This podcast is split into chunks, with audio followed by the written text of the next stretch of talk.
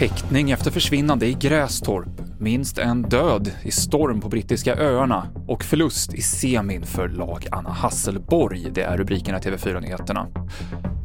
Ja, vi börjar med att berätta att en man i 40-årsåldern har häktats på sannolika skäl misstänkt för människorov i fallet med den kvinna i 25-årsåldern som är försvunnen sedan natten till måndag i Grästorp.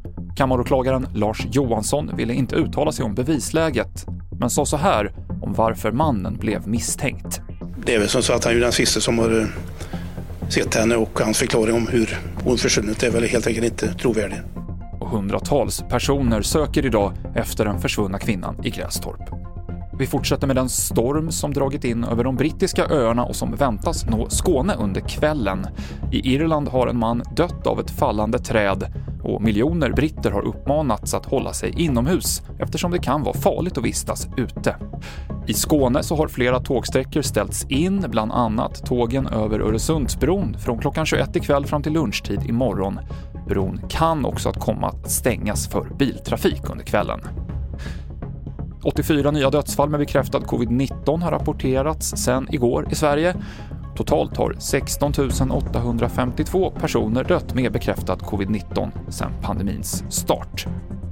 Flera personer saknas och två är fast ombord på det brinnande kryssningsfartyget utanför den grekiska ön Korfu i Medelhavet. De flesta av de 300 ombord evakuerades i morse, men den grekiska kustbevakningen säger nu att 11 saknas och man försöker med helikopter rädda två personer som bekräftat är kvar ombord. Men den tjocka röken som fortfarande stiger från fartyget gör räddningsarbetet svårt. Till sist OS. I curling kommer lag Anna Hasselborg inte att kunna försvara sitt OS-guld från 2018. De förlorade semifinalen mot Storbritannien efter skiljeomgång och nu väntar en bronsmatch imorgon mot Schweiz. Imorgon spelar även de svenska herrarna, lag Niklas Edin, OS-final. Senaste nytt finns på tv4.se. Jag heter Mikael Klintevall.